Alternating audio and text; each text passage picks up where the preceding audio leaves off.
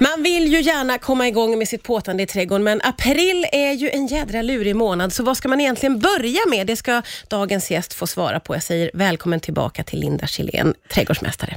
Hej och tack. Så roligt att du är här. Det kliar ju i fingrarna på att starta upp, men den här april har varit mer april än någon månad på länge. Det är så olika väder och så olika eh, nästan årstider. Ja. Var ska man börja om man är sugen lite och ta sig an sin trädgård, tycker du?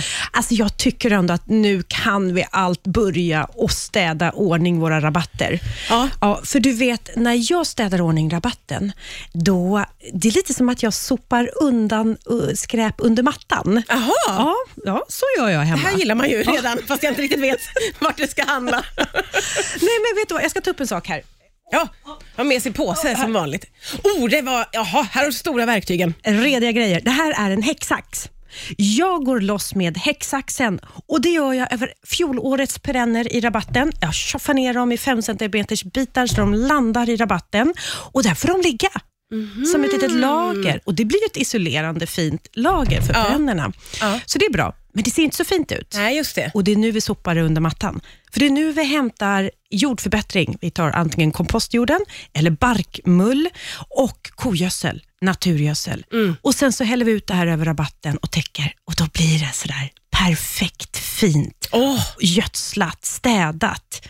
Och växterna kommer frodas och de kommer växa upp därigenom. det där är ju underbart. Jag tycker också att ett bra tips är, som du säger där, att ta ner så pass mycket. För man är ofta, eller jag i alla fall, lite rädd när man ska klippa ner sina perenner och så tänker man, ska jag verkligen ta så där mycket? Men Ja. det hör ju på det att det ska man. Ja, det ska man. Och speciellt om du har prydnadsgräs. Då är det, nu pratar vi, nu sitter vi i Stockholm, så det är lite mellersta Sverige. Ja, just det. Så när man är här uppe, då kan man alltså nu börja att klippa ner sina prydnadsgräs till 10 cm höjd. För att prydnadsgräs, när de börjar växa sen, då kommer ju det, de ser kapade ut i topparna om du klipper ner det för sent. Så att man vill ju börja nu från början. Så Ah. Ut det. nu och klipp ner prydnadsgräset. Ja, jätte, jättesmart. Eh, Du menar ju också att man ska börja eh, se om sin gräsmatta lite, förstår jag. Ja, det tycker jag. Om det är så att man vill ha en, eh, en grönskande gräsmatta. Och Det är många nu som kliver ut i trädgården och så blir de alldeles förskräckta därför att mossan har tagit över. Mm. Men lugn. Jag känner igen det, men jag brukar låtsas som att det är gräs bara, för jag orkar inte. Jag tycker det är rätt. Blunda, sopar under mattan. Men låt höra vad du har att säga, Linda. Jo, men alltså man tar det lugnt säger jag. För det är så här att eh, mossan har vuxit under hela vintern. Därför att mossan har inga rötter som går ner i jorden. Det betyder att är det bara plusgrader, då växer mossan. Gräset eh, sitter liksom i vintervila så länge som vi har under 5-6 plusgrader. Och Det betyder att mossan växer på under vintern. Men så snart vi börjar få 5-6 plusgrader, då börjar gräset att växa.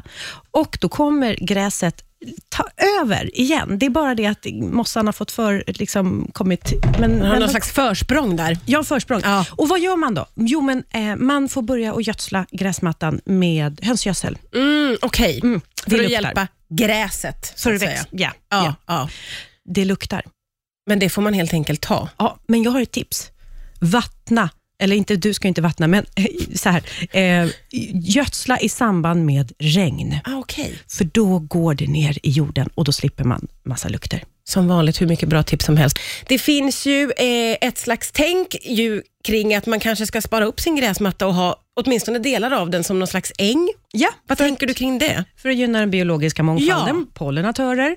Och Det där kan ju bli då, eh, man vill ändå ha den där gräsplanen och gräsytan för gemenskap, alltså man vill ut och umgås och spela. Ja. Eh, vi som har djur eh, och hundar har vi. Eh, vi är ju lite oroliga kanske för att eh, det ska komma ormar som mm, och gömmer sig i gräset, eller för den delen fästingar. Så hur gör man då? Ja, men precis. Ja, du, man kan faktiskt odla klöver i gräsmattan och sen så ställer man gräsklipparen på det högsta eh, skäret. Ah. Och då när man kör gräsklipparen över, då sparas de här små klöverblommorna och de älskar små humling, humlor och bin. Ja, Så då får man liksom, kan man faktiskt både äta kakan och ha den. alltså Linda Kjellén, jag älskar när du kommer hit och kommer med så på riktigt smarta lösningar. Jag sa det till dig innan här, det här har varit ett sånt huvudbry för mig. För jag vill också vara snäll mot pollinatörer, Ja. men jag är också rädd för huggormar. Detta är ju en sån bra lösning. Det här, ja, här är lösningen. Ja, bara ställa in gräsklippan på lite högre. Men du, Underbart. vi har ju andra djur eh, sådär, i trädgården som man kanske inte vill ha. Mördarsniglar. Ja, det eviga problemet. Det eviga problemet, de dyker ju upp. Men det är nu på våren som vi ska vara ute och eh, ta hand om dem. Speciellt de där som har överlevt vintern. För det är de som nu ska börja lägga ägg och föröka sig. Ah. Så ut och plocka sniglarna när ni ser dem. Och är det så att man har det lite knepigt med de där, då kan man faktiskt vattna med nematoder, det vill säga en biologisk bekämpning. Okej. Ja, och, och vad som händer då, det läs på förpackningen. Mm. Ja, precis. Men man blir av med Man blir problemet, av med problemet, förstår jag ja. i alla fall. Ja, men det där kan vara ett jätteproblem för många ju. Ja. Detta med mördarsniglarna. Ja. Som, och, ja, och även ogräset. Ja, det är det. också nu på det här tidigt, tidigt på våren som vi börjar och nu kan vi ju äta vårt ogräs. ja, just det. Just det. det får, så får man tänka lite så. Mm. Ja, kirskål och brännässlor. Ja, ja, ja, precis. Och när det precis kommer upp så är det väl väldigt, det är väl då man vill plocka det eller? Ja, När det, de är så sköra och, och fina. ja win-win. Så då får man lägga i sallad eller soppa eller någonting helt Ja, enkelt. ja. Och eh, det finns väldigt, vi ska få med mycket, men jag har en så jag, starkt minne av förra våren eh, när jag ville köpa squashplantor och var ute i helt vanlig tid tyckte jag. Men alla var slut så jag fick vara utan. Mm. Finns det risk för liknande i år? Ja, det gör det. Nej! jo, men nu vet ju du det, så att nu, det är nu du ska hålla utkik Ja, just efter det. hela squashen. Ja. Ja. Nej, men det är så, och det faktiskt gäller även de fleråriga buskar och träd. Eh, om du nu ska plantera hallon och, och blåbär eller på att säga, och, och vinbär, eh, gör beställningen nu så att du är säker på att få dina buskar, för det är ett sånt stort intresse. Ja. Och eh, eh, Våra svenska odlare de har helt enkelt inte hunnit att producera tillräckligt, om man nu vill ha svenskodlat. Ja, Okej, vill så det gäller att vara ute i god tid och lägga sina beställningar till när man ska stoppa Ja. ner dem i Ja. jorden helt enkelt. Precis. Ja. Jag vill inte stressa, men jag vill vara informerad. Ja, men det där är, för det är en extrem besvikelse när man har gjort kalas i tanken på en hallonbuske och så får man ingen. Det är faktiskt jättetråkigt, så det är bra.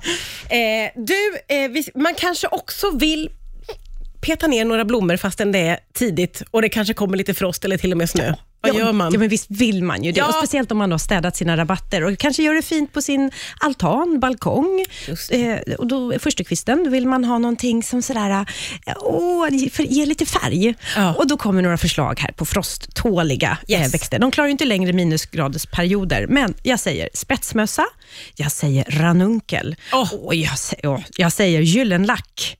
Och sen säger jag också balkansippa och för våra pollinatörer, hyacint. Åh, hyacintlökar stoppade Ja. jag ner förra Ja. våren. Och jag väntar på att de ska komma upp nu. Det har inte med det här att göra egentligen, men jag vill bara säga det att jag har så mycket hyacinter på gång på stugan. Du, eh, vi ska också nämna en eh, blomma som är jättepoppis, har jag förstått på dig, och det är dahlia. Oh ja, dahlia. Alltså den som inte har en dahlia i år i, på sin Ute. balkong är helt ute. Är det så? Ja, men det är väl fantastiskt hur en växt bara kan segla upp och bli en sån här trend och en måste ha. Men hur går det till? Ja, men jag vet inte, man, jag tror att det hänger ihop med, alltså den är ju ganska så här flärdfull, den är pampig, den kan till och med vara lyxig, den är lite svulstig, den är eh, fyrverkeri över en färg, blickfånget Ja. i en bukett. Ja. Så att det, och vet du, jag har faktiskt med mig en, en dahlia till dig. En, ja, Nej, du en, skämmer bort mig, Ah, Linda. du är Va? värd att skämmas Ja, bort. du är så gullig. Gud vad spännande. Du ska få en rosablommande rosella. Men gud vad härligt. Ja. Alltså, du är ju världens bästa. Men du ska ju ta hand om den nu och se till att den eh, börjar och växa och, och sen ska du kunna då plantera ut den eller behålla den i kruka under sommaren. Det är det som är så fantastiskt med dahlior, att Ja, de både det. kan växa på friland och kruka. Ja, ja, det är underbart. Så många bra tips. Alltid ett nöje att ha dig här. Jag hoppas du kommer tillbaka snart igen. Tack. Ja, det bestämmer vi. Ja, det gör ja, det vi. gör vi. Tack Ja. för idag.